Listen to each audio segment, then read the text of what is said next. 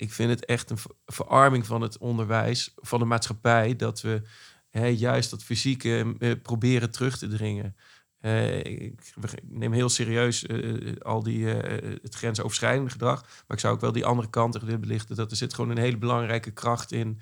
Net wel die, die, die armen om de schouder leggen. Wat voor type docent ben jij of wil je worden? En wat vind je hierin belangrijk? Voel je je eigenlijk een bepaald type docent of ben je gewoon jezelf? Hoe ontwikkel je een goede band met je leerlingen zonder overwicht te verliezen? En wat betekent professioneel zijn? En in hoeverre heb je een voorbeeldfunctie? Nou, zomaar wat vragen waar elke docent een antwoord op moet vinden. De zoektocht naar jouw stijl en identiteit als docent is een avontuur en het heeft tijd nodig.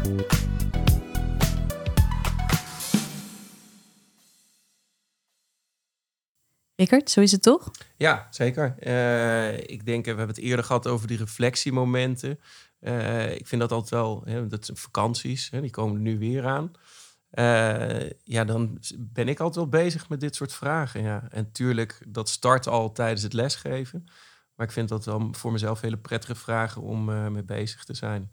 Ja. ja, nou die zoektocht, daar hebben we het over in deze aflevering van Mijn Eerste Jaar voor de Klas. En Elisabeth en Maurice, welkom terug. Hebben jullie iets met dit onderwerp? Vind je het belangrijk? Uh, belangrijk sowieso, maar ik denk dat ik uh, eigenlijk al onze uh, onderwerpen belangrijk vind. Maar ik vind het ook heel leuk om over na te denken. Ook omdat je daardoor een beetje gaat reflecteren op, op welke manier je bent veranderd door de jaren heen. Al met mijn stage natuurlijk. Um, en het is gewoon zo persoonlijk. En dat, dat vind ik het mooie aan deze, aan deze podcast en deze aflevering.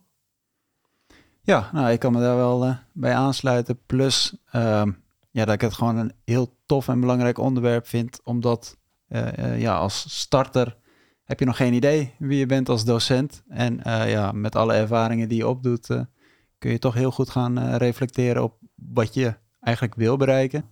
En hoe je als docent voor de klas wil staan. Ja. Oké, nou straks hierover meer natuurlijk. Maar eerst wil ik graag weten wat er de afgelopen weken is gebeurd bij jullie voor de klas. Um, Elisabeth en Maurice volgens mij allebei, maar laten we bij Elisabeth beginnen. Jij had oudergesprekken. Ja, klopt. Uh, eigenlijk de avond nadat we de vorige aflevering hebben opgenomen, hadden, had ik oudergesprekken. En dat waren de eerste die ik had op deze school. En niet de eerste die ik ooit heb gedaan, maar wel, uh, wel weer in een nieuwe setting en nieuwe ouders. En daar zaten een aantal hele leuke uh, gesprekken tussen. Gewoon, gewoon ja, leuk om zo'n om ouders te leren kennen. Maar ook wel gesprekken waarvan ik dacht: oké, volgens mij heb ik die ouders en dat kind ook echt wel kunnen helpen. Uh, een kind dat uh, eigenlijk niet zulke goede cijfers haalt voor die toetsen, maar zijn ouders krijgen maar geen grip op hem. En iedere keer zegt ze, ja, we willen je wel helpen, we willen je wel overhoren, maar houdt ze heel erg af. En zij vinden dat best wel frustrerend. En een tijdje geleden hadden we een, een workshop gehad over dat je voornamelijk vragen moet stellen en dat je niet zelf met de oplossing moet komen, maar het kind met de oplossing moet laten komen. En dat had ik toen geprobeerd. En eigenlijk binnen vijf minuten zaten we bij de kern en hadden we een oplossing bedacht. En die ouders die waren echt zo, nou, je hebt in, in vijf minuten gedaan wat wij al een jaar proberen. En we zijn zo blij met je. Dus dat oh, was wel, ja, was super tof om mee te maken. En wat was je oplossing? Uh, of wat, wat gaf het kind zelf aan eigenlijk? Ja, op een gegeven moment hadden we bedacht dat hij aan klasgenootjes ging vragen die een hoog cijfer hadden gehaald. Uh, mag ik met jou leren of wil je mij tips geven over wat ik het best kan doen? Uh, en dan vroeg ik van oké, wat wordt dan je plan nu? En dan zei hij ja, dan ga ik uitzoeken wie het hoogste cijfer had van de klas. Dus ik zo, hoe kan je dat uitzoeken? Ja, dat kan ik dan gaan vragen. Is er iemand hier nu die jou dat kan vertellen? Oh, oh ja, ja, mevrouw, wie had het hoogste cijfer? Dus op die manier heb je dan toch dat je door die vragen stelt, dat hij dan zelf denkt: Oh ja, wacht, ik, er zit hier gewoon iemand die dat antwoord kan geven. Ja. Dus, uh, dus ik, ik heb niet gezegd: ga naar iemand anders toe. Hij zei ook: ga dat zelf doen. Dus dat is wel tof. Vond je het spannend, de oude gesprekken? Nee, nee. Ik vind het echt wel leuk. Ik vind het heel leuk om te zien uh, wat voor ouders er bij die kinderen horen. Bij, bij sommige hmm. kinderen verklaart het gewoon zoveel. Dus nee, ik vind het nooit spannend eigenlijk. Oké. En Maurice, jij had uh, teams, hoe heet het bij jullie ook weer? Klassenteams, Klassenteams. Ja, de leerlingbesprekingen. Ja, zeker. En hoe is dat gegaan? Ja, eigenlijk heel goed. Uh, ja, in twee, uh, twee dagen ga je eigenlijk al je leerlingen bespreken. Ehm, dus zowel de leerlingen die ik alleen het vak Nederlands geef, maar uiteraard ook mijn eigen mentorleerlingen.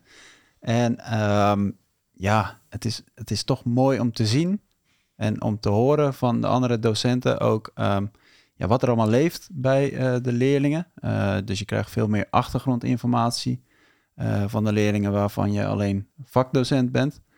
Ehm, dus ja, dat, dat geeft gewoon heel veel meer inzicht. En ook ehm, over bijvoorbeeld hoe je kan werken aan de relatie met, eh, eh, met de leerlingen.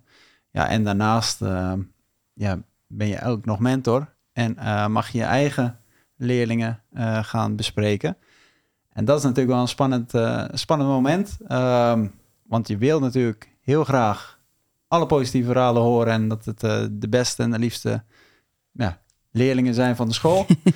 Ehm, maar eh, ja, er komt ook wel eens naar voren dat dat eh, niet zo is. Of dat eigenlijk het beeld wat ik zelf op heb, misschien zelfs de roze bril die ik op heb, ehm, ja, dat die toch niet zo roze zou moeten zijn. Ehm, ja, en je gaat ook wel van tevoren, ja, dit klinkt weer een beetje misschien stom om te zeggen, maar je gaat toch een soort tactiek bepalen van ja, hoe ga ik nou mijn klassenteam voorbereiden en wat wil ik gaan bereiken? Ehm, ja, mijn insteek was eigenlijk eh, nou ja, het vooral de positieve benadering gaan toepassen. En eh, ja, ook al zijn er kinderen die eh, nou, natuurlijk wat lastige kanten hebben, moet je het bespreken. Maar vooral ook zo snel mogelijk gaan zoeken naar de oplossing. En het eigenlijk positief gaan afsluiten. Ja, Mhm. dus je was een beetje als een, eh, een, een glimmende mentor van trots. Ging jij al je leerlingen eh, één voor één bespreken. Ja, En, en je schrok best wel van eh, negatieve commentaren, zeg ik het zo goed? Ja, ja, kijk, het is, ja, je wil het liever natuurlijk niet horen. Laten we dat voorop stellen. Ehm, maar goed, ja, je weet ook heus wel dat er wat kan zijn. Dus ja, je moet het ook gewoon gaan bespreken. Maar ja, toch zo snel mogelijk door naar de positieve benadering. Ja, heel goed.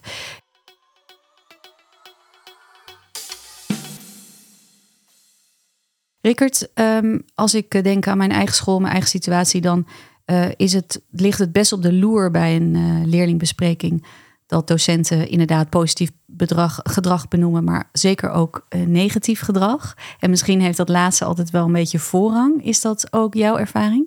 Ja, we hebben wel eens een, eh, een bingo gehad. eh, waar we bij leerlingbespreking eh, dat soort zinnen, van die standaard negatieve zinnen. Hij moet beter huiswerk maken. Ja, zulke dingen. Ja. En eh, dan zie je dat het vaak toch die kant op gaat in dit soort gesprekken.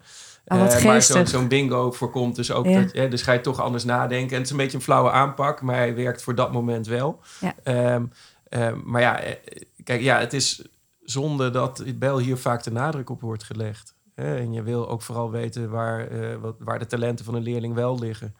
eh, en niet waar ze vooral niet liggen.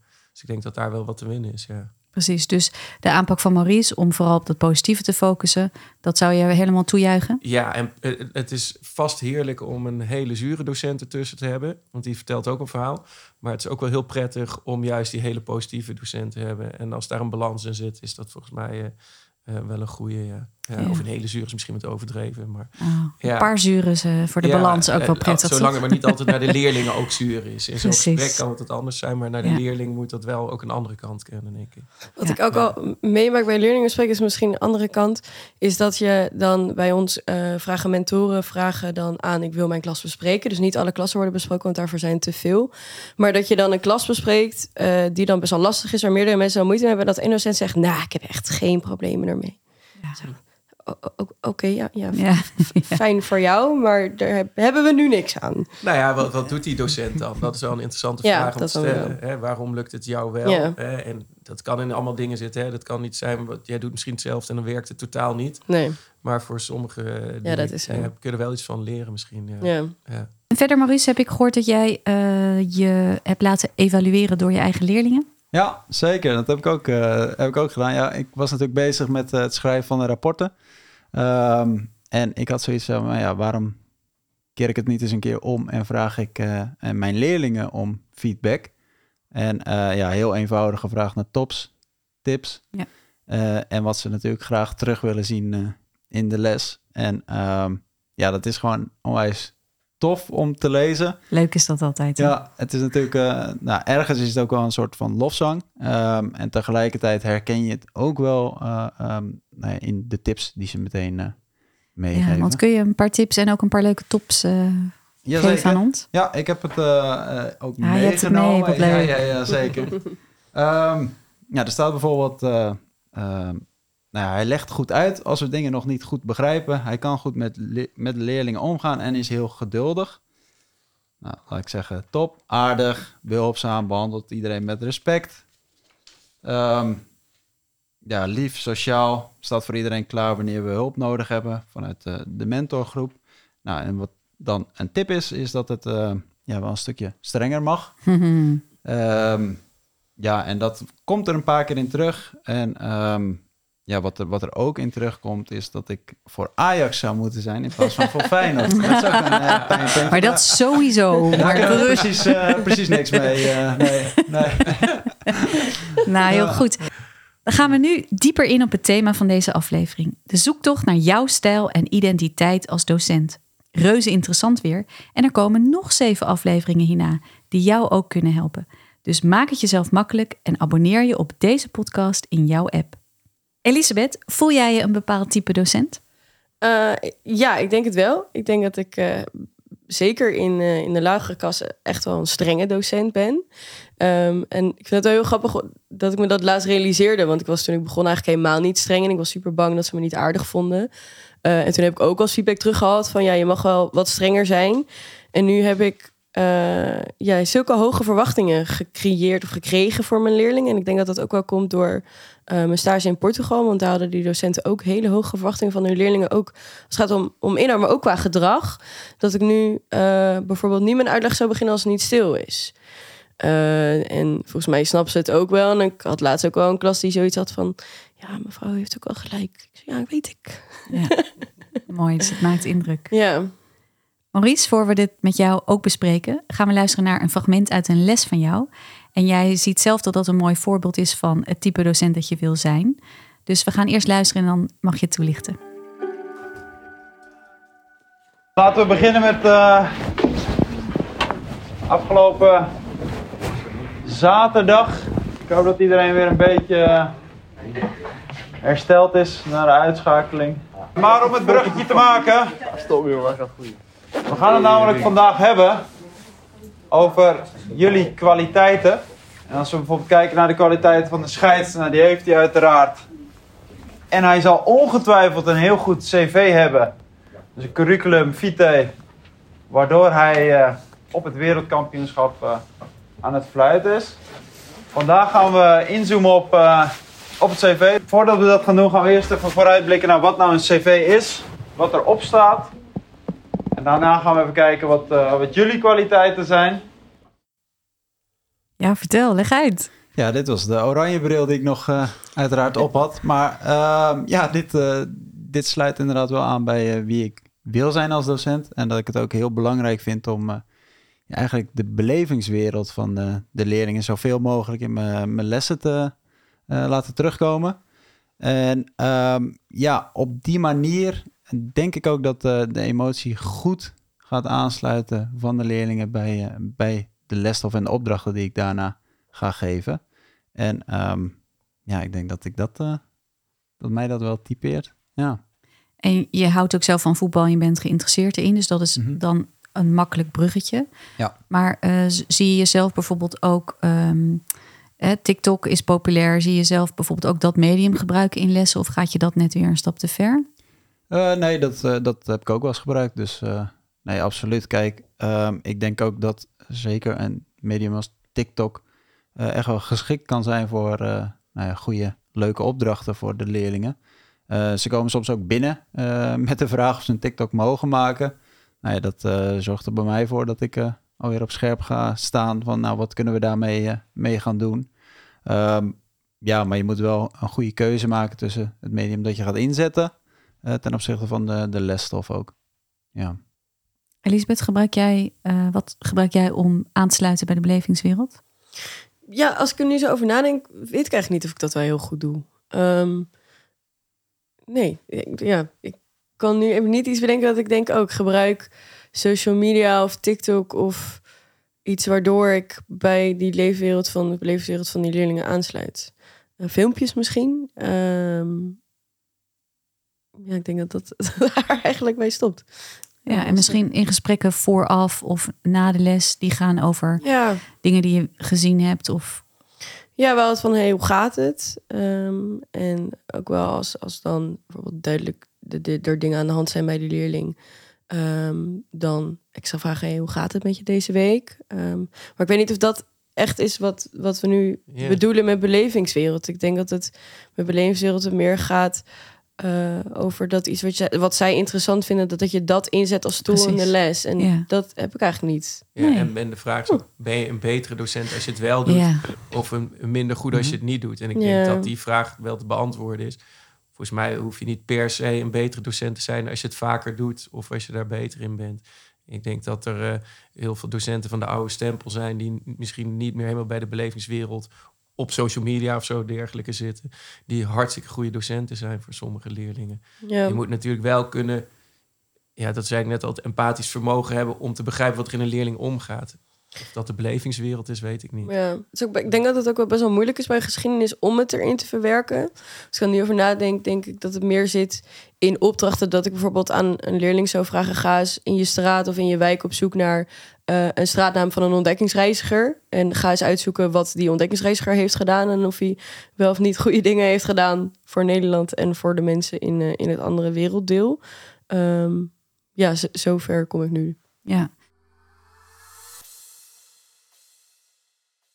Nou, beleef, belevingswereld kan bijna truttig eh, klinken. Maar ehm, zelf heb ik wel ervaren dat ik sta al meer dan twintig jaar voor de klas. Dat toen ik begon en er nog geen social media was en geen telefoons, dat de dingen die leerlingen toen keken op televisie, die keek ik zelf ook en die vond ik Ja. zelf ook tof. En ik kon automatisch en heel natuurlijk daar met leerlingen over praten. Want eh, zij had het gezien, ik had het gezien. En nu is het natuurlijk veel meer versnipperd, ook door streamingdiensten en doordat ze heel veel op hun telefoon dingen kijken. Eh, en voel ik gewoon niet meer dat meestal als zij zeggen wat ze kijken, dan weet ik niet wat dat is. Dan, dan ken ik het niet of heb ik het zelf niet gezien of heb ik ook helemaal geen zin om dat te gaan kijken. Ja. En ik voel wel dat dat echt, echt anders is dan toen ik begon met lesgeven. Ja. Toen vond ik dat makkelijker.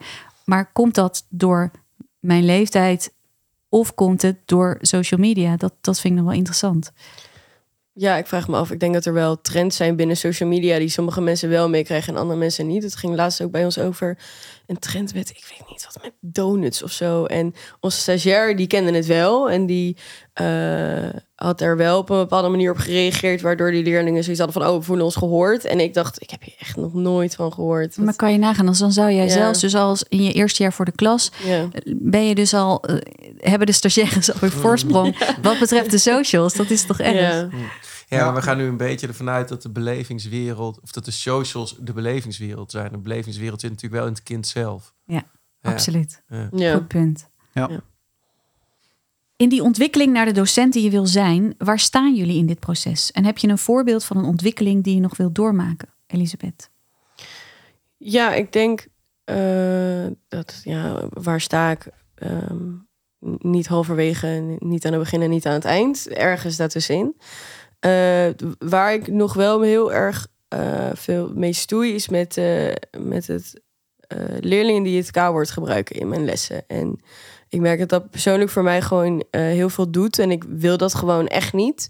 Maar dat ik nog niet zo heel goed weet op welke manier er ik op moet reageren.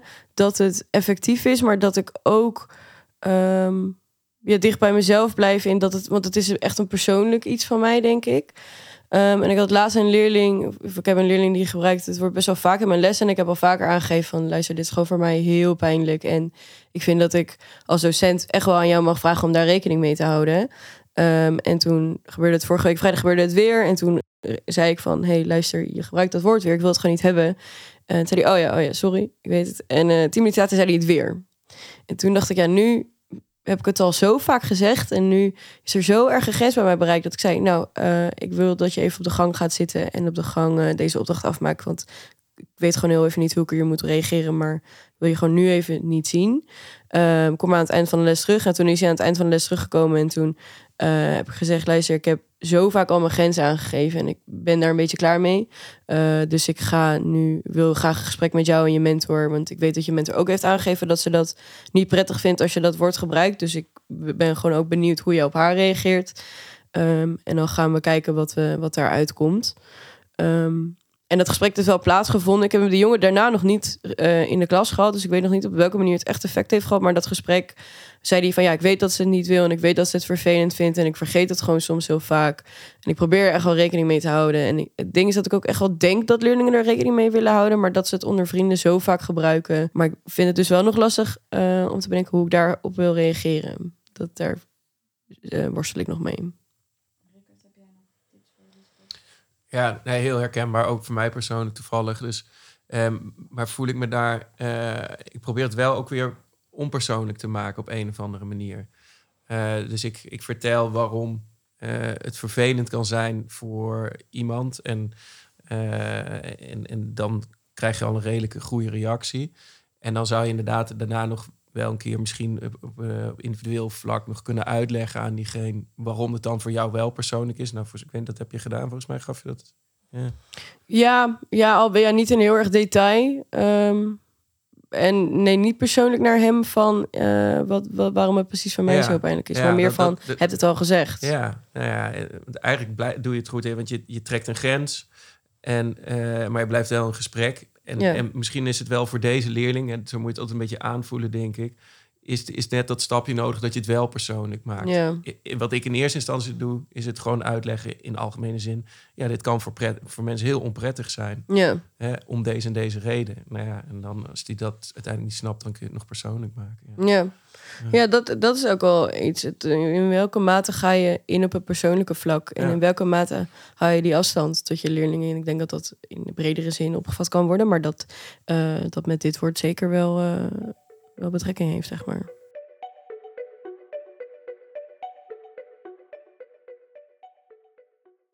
We gaan straks nog wat, ehm, het wat meer hebben over hoeveel deel je over je privéleven als docent. Want dat is ook een, een zeer interessant eh, stukje bij dit onderwerp. Maar Maurice, we gaan eventjes bij jou het weer hebben. We hebben het er vaker over gehad. Hè? Jij bent steeds zoekende naar die ideale balans, zullen we maar Mhm. zeggen, tussen een goede band met je leerlingen en eigenlijk eh, op een hele informele manier met ze omgaan. En toch die docent zijn die overwicht heeft. Hè? Je leerlingen zeiden het al in de tip, je mag echt strenger zijn, meester. Ehm, dat heeft natuurlijk ook iets te maken met wat voor type docent je bent. Ja.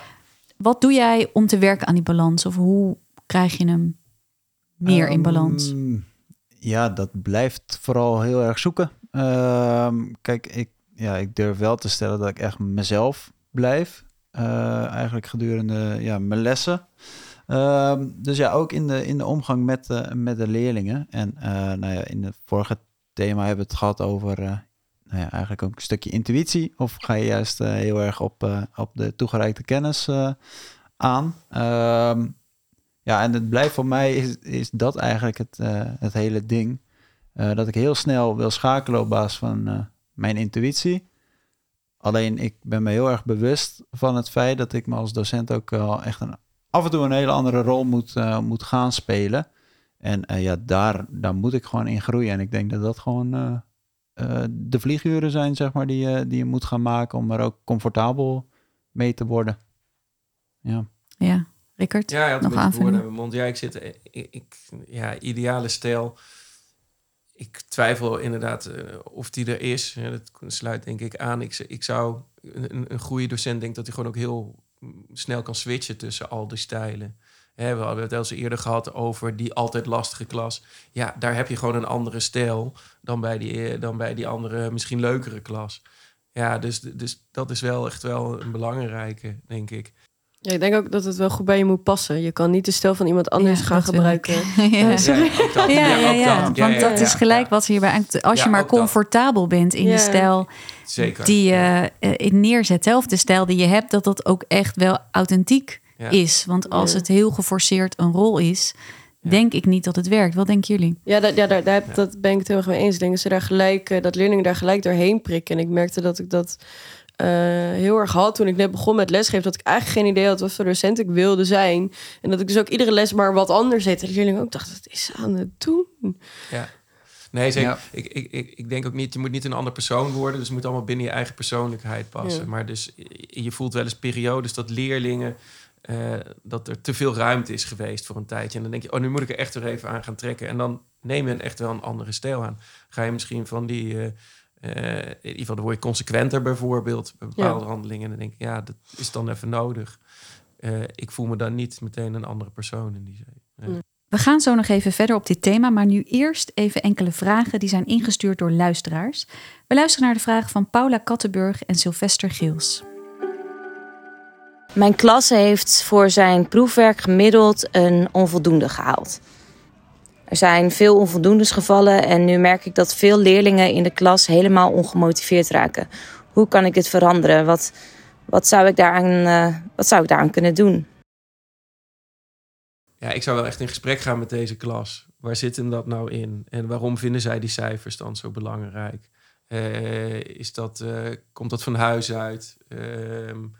Uh, komt dat vanuit de maatschappij om het nog wat groter te maken? Of ja, zit dat op individueel vlak? En, en dan denk ik dat je ehm, daar ook op zoek naar moet gaan wat dat nou per leerling verschilt. Waarom wordt de een hierdoor gemotiveerd en de ander ongemotiveerd. Er zullen ook leerlingen wel gemotiveerd zijn. Ik had vandaag nog een leerling die had slechte cijfers. Die zei ik, nu moet ik er tegenaan. ja, ja, dus ja, dat is de andere kant, denk ik. Ja ik denk ook misschien gewoon de klas geruststellen. Hè, van misschien was dit ook een moeilijke toets, maar er komen weer nieuwe toetsen aan.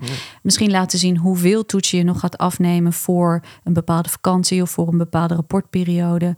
En dan zeggen van we gaan ook nog echt iets anders doen. En daar heb je weer kansen om dit te doen of dat te halen. Ja. Ja, nee, nee, dan, ja dus, uh, dat is het hele cijferding. Dan krijg je dus de rekencultuur. Ja, en, uh, ja, ja. ja en, en zo is het helemaal gebouwd en opgebouwd. En dan is dit inderdaad het antwoord. En ik vind het wel altijd zonde dat we dat antwoord geven, moet ik eerlijk hmm. zeggen. Ja, maar het is wel een antwoord op de vraag. Ja. Ja, onze leerlingen zijn er ook wel heel erg op gefocust met alles wat ze doen in een les. Is het, uh, kan ik daar 0,5 uh, bij uh, mee oh erbij oh, krijgen voor, voor de 0,1 vechten ze al, joh. Ja, dus het is, ze zijn er ook echt wel mee bezig. En ik denk dat het ook wel gewoon heel erg veel te maken heeft met die overgangsnormen. Ja, als je te veel onvoldoendes hebt, dan blijf je zitten. En leerlingen willen niet blijven zitten. Dus ik denk dat dat ook wel weer te maken heeft met die cijfers. Gaan we luisteren naar Sylvester Geels.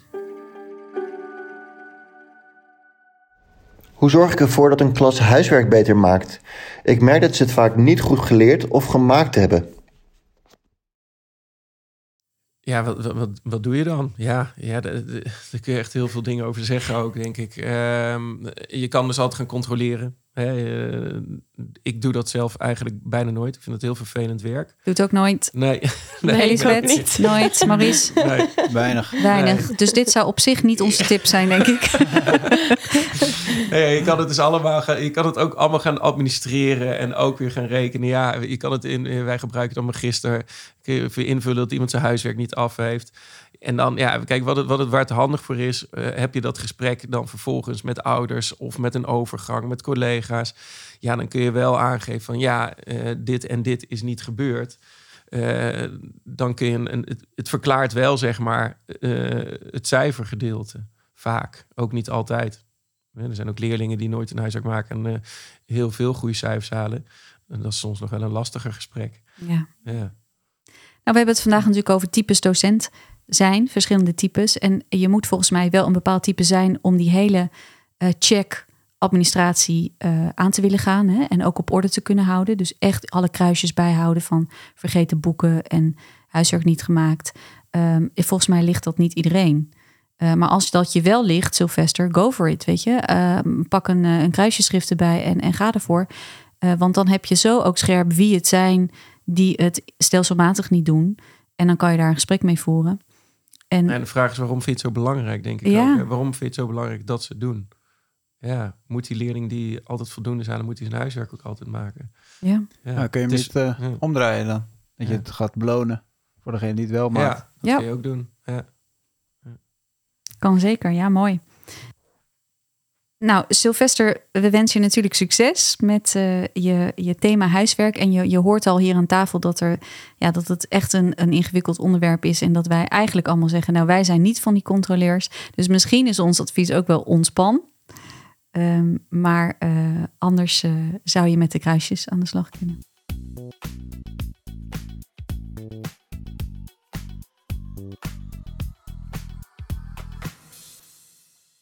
Dank Paula en Sylvester voor jullie interessante vragen. En elke vraag is welkom en leuk als luisteraars meedoen. Dus heb jij ook een vraag? Mail die dan naar redactie@nextepisode.audio. En wie weet behandelen we jouw vraag eind januari in de volgende aflevering van Mijn eerste jaar voor de klas. We gaan terug naar ons maandthema, want ik wil het graag nog hebben over professionaliteit en distantie. Elisabeth, je had het in de vorige aflevering erover dat een leerling vroeg: En hoe zit dat dan met uw liefdesleven? Ja. Ja. En, en toen dacht ik wel gelijk van, oh, oh wacht, als ik hier nu heel erg eh, op inga, dan maak ik die eh, lijn wel heel dun. Eh, dus volgens mij heb ik toen gereageerd van, ja, dat, dat bestaat toch helemaal niet. Ik ben dat hier.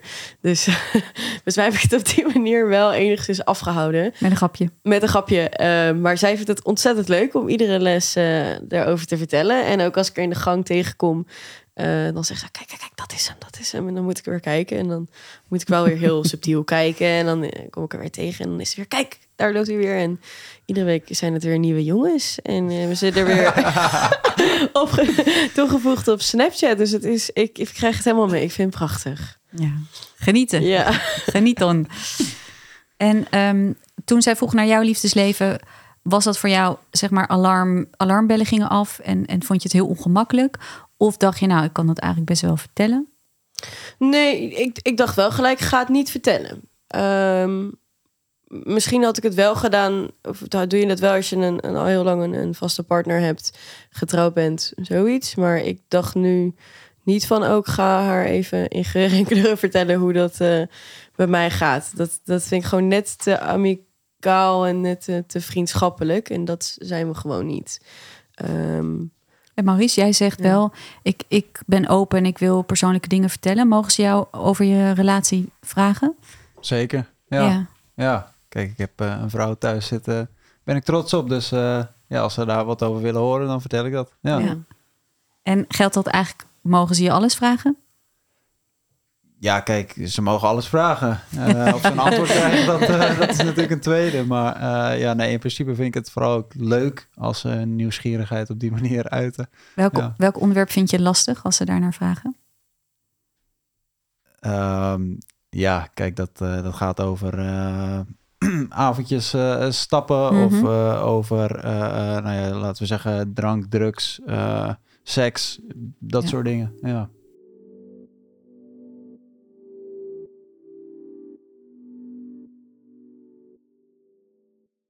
Ehm, wat laat je van je privéleven zien op de socials? Dat is ook een interessante als je in het onderwijs werkt.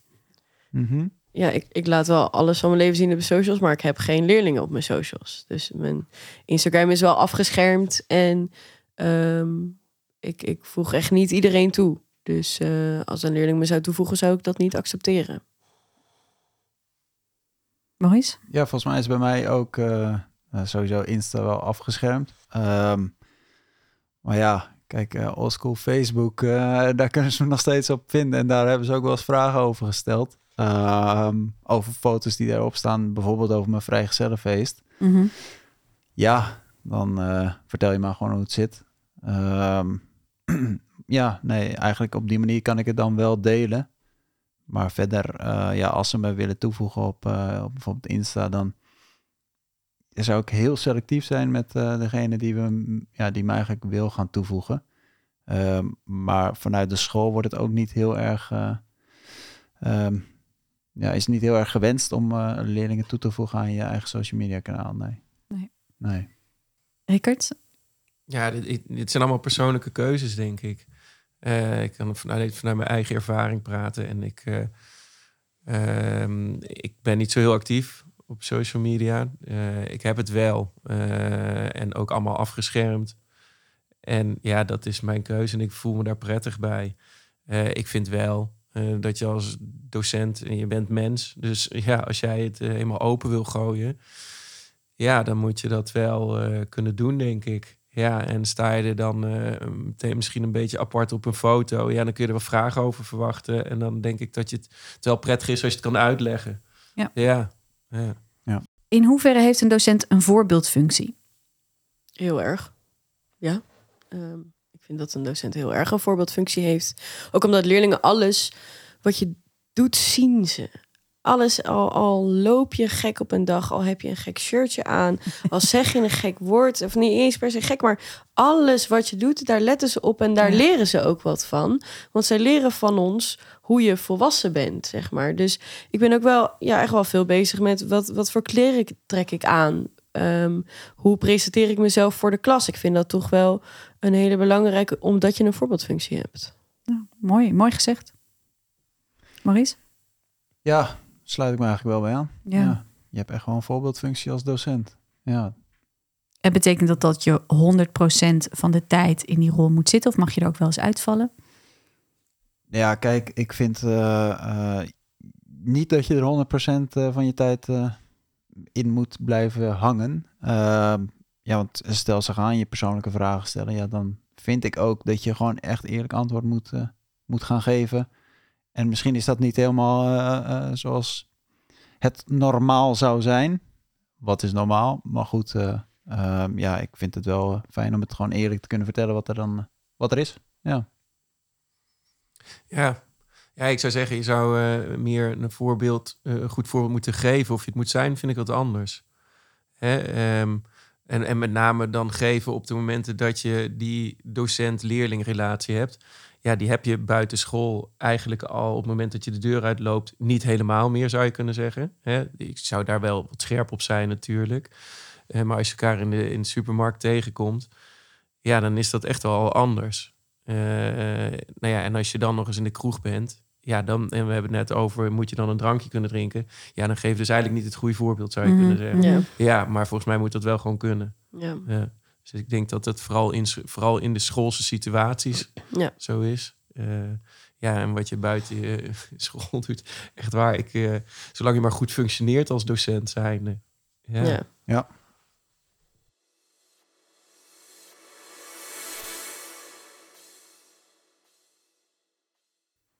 Ja, we kunnen hem ook omdraaien. Ook interessant. In hoeverre ga je mee met het privéleven van je leerling? Want leerlingen kunnen soms hele persoonlijke problemen met jou als docent bespreken. En dan zien ze je een beetje als vertrouwenspersoon. En dat kan soms tot situaties leiden dat ze van jou iets verwachten. Of dat ze bijvoorbeeld ineens heel laat op de avond nog je nodig hebben. Eh, in hoeverre vind je dat je dan klaar moet staan of daarin mee moet gaan? Ja, ik, ik denk dat dat in de rol als mentor anders is dan in de rol als docent. Ehm, want ik denk dat jij wel meer eh, de kans hebt dat een leerling je in de avond een berichtje stuurt. Die, mijn leerlingen hebben mijn nummer niet, dus dat gebeurt niet. Ehm, ik vind het wel belangrijk dat een docent altijd een luisterend oor biedt. Dat een, een leerling zich altijd gehoord voelt. Eh, en dat als er echt problemen zijn, dat je wel tegen de leerling ook eerlijk bent van luister, ik hoor dit nu. En ik schrik hiervan. En ik ga dit nu wel doorspelen naar de mentor. Want ik vind het wel belangrijk dat hier iets mee gedaan wordt. Ehm, maar het luisteren vind ik wel, ja, dat, dat, dat dat altijd moet kunnen. Ja, eigenlijk precies dat. Ehm, kijk, ook al sturen ze me s'avonds laat een berichtje en willen ze het ergens over hebben. Ja, tuurlijk, ik ben bereid om eh, te luisteren. Ehm, maar liever zie ik ze natuurlijk eh, een dag later op school om het eh, nog even rustig te gaan bespreken. Maar niet... ja, kijk, je bent als mentor denk ik ook gewoon een vertrouwenspersoon. Dus je bent je bewust van je rol die je hebt. En eh, ja, ik vind ook dat je je daarna moet, eh, moet gaan gedragen. Dus ook die rol gaat verder dan alleen eh, ja, de schoolse tijden. En betekent dat dat je inderdaad om half elf s'avonds nog aan moet staan voor een moeilijk mentorgesprek waarbij iemand jou nodig heeft? Persoonlijk denk ik van wel, ja. Ja, kijk, als ik op dat tijdstip gewoon te bereiken ben en... ja, kijk, het, is, het, ja, het ligt er ook wel aan als iemand om, eh, om, om 11 uur of half twaalf een berichtje gaat sturen. Ja, dan is de kans natuurlijk ook aanwezig dat je gewoon niet bereikbaar bent. Ehm, maar stel, ik, ik krijg een berichtje en ik ben bereikbaar. Ja, dan eh, zal ik zeker niet nalaten om een berichtje te sturen. En Elisabeth zegt stelselmatig nee, dat ga ik niet doen. Nee, nee, ik weet het niet zo goed, want ik ben geen mentor. Dus misschien op het moment dat ik mentor word, dat ik dat wel zou doen. Maar voor nu dus vind ik het ook nog niet helemaal een prettig idee dat de leerling mijn nummer heeft. Juist omdat je dan op die momenten dat je. Het is gewoon als docent ook zo belangrijk dat je soms gewoon even zegt: nu niet. Nu Uiteraard. ben ik niet aan het Ja. werk. Nu wil ik er niet over nadenken. En als je dan open staat dat leerlingen je om 11 uur s'avonds een bericht gaan sturen met een probleem, dan sta je toch weer aan. Dan slaap je bijvoorbeeld weer slechter. Dan eh, ja, wanneer ben je dan vrij? Je, hoopt natuurlijk dat, niet altijd het geval, maar vaak hebben leerlingen, ouders, verzorgers, eh, mensen die na school die verantwoordelijkheid over ze dragen. Dus dan denk ik dat je dat ook dan maar ja, moet overdragen om jezelf te beschermen. Ja,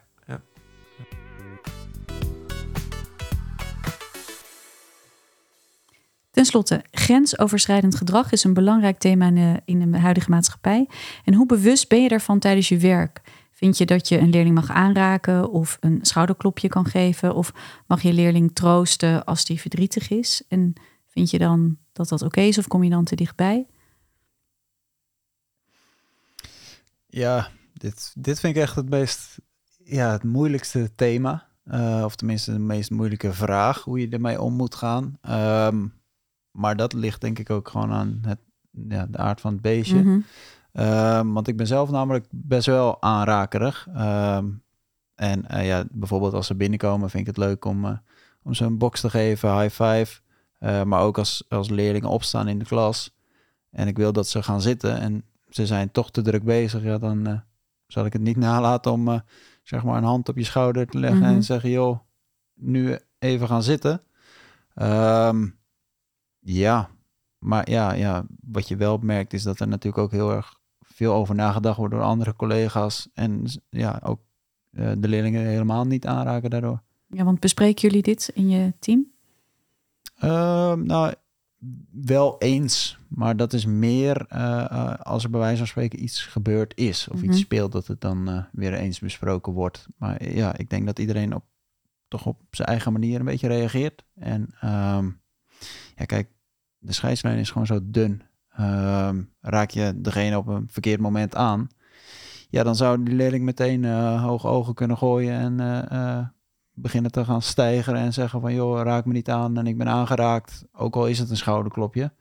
Ehm, ja, ik denk dat je dat wel ergens moet vermijden, maar ja, ja nu spreek ik mezelf weer bijna tegen. Maar dat ja, maar is dus het daar, lastige. daar zit het dilemma. Ja, maar is het ook niet een compliment naar het onderwijs? Dat, als je kijkt op wat voor grote schaal wij in dit soort situaties terechtkomen en hoe weinig daarvan eh, niet naar buiten komt, maar Ja. er weinig fout gaat, Mhm. zou je kunnen zeggen. En ik zeg niet dat er niks fout gaat. Maar als je dan allemaal hoort wat er in de media gebeurt, eh, letterlijk in de media, en, eh, eh, of in de tv-wereld, dan kan ik dan misschien beter zeggen. Ja, dan vind ik dat het onderwijs het eigenlijk heel knap doet. Hè, met al deze ingewikkelde relaties tussen mensen die er zijn. Volgens mij is dat echt een compliment dat we ook wel mogen geven. Dat we dat dus op een hele professionele manier doen.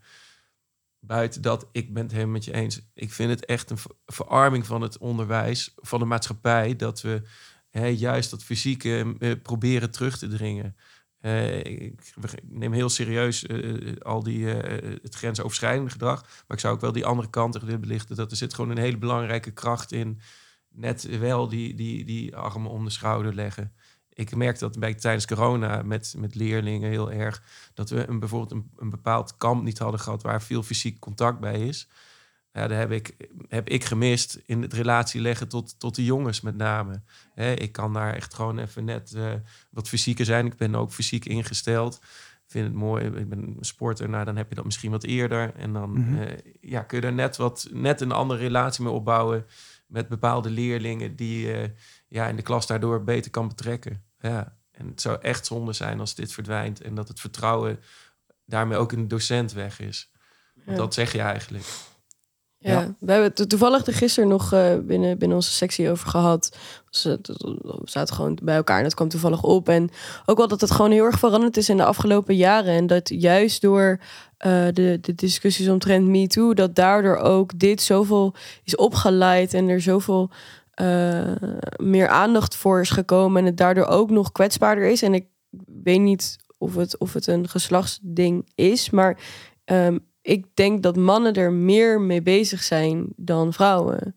En dat, dat vind ik ook wel weer heel erg. Want dat is ook wel weer dat eh, het polariserende eraan. En het ook wel het wijzende van jullie zijn het probleem. En dat vind ik dan ook weer heel erg. Want dan eh, ja, ik kan me gewoon niet voorstellen dat je eh, daar de hele tijd over na moet denken. Want dat heb ik minder. Ehm, en dat je bang moet zijn dat één klein dingetje je carrière beëindigt. Want dat is wel wat er gebeurt. Nou, iedereen moest erover nadenken in de coronatijd. Want Ja. daar moest ik ook echt heel erg mijn impulsen onderdrukken om een klas in te lopen en, en je hand op schouders te leggen en handen te geven. Ja. Want dat is zo'n natuurlijk onderdeel van wa- wat we aan het doen zijn met z'n allen. Daar, daar voelt het al heel onnatuurlijk. En dat gold natuurlijk voor iedereen. Niet alleen Ja, voor mannen. nee, dat is zo. Nee, maar voor, voor ja, iedere docent. is dat grensoverschrijdend gedrag? Zeker niet. Dus dat is ook wel weer een lastige. Ja. Daarin, corona heeft het ook alweer moeilijk Maar gemaakt. ik doe het bij meiden al bijna niet. Nee. Ja. En dat is puur voorzichtigheid.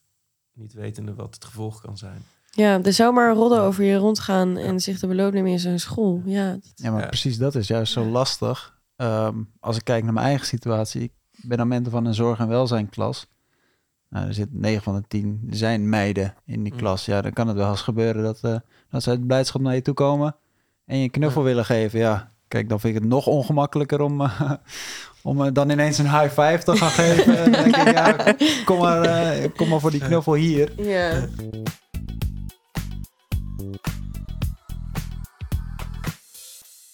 Oké jongens, we gaan naar het einde. Maar niet voordat we even gaan kijken wat jullie de komende weken op de agenda hebben. Zijn er nog moeilijke dingen, bijzondere dingen, dingen waar je naar uitkijkt, dingen waar je tegenop ziet?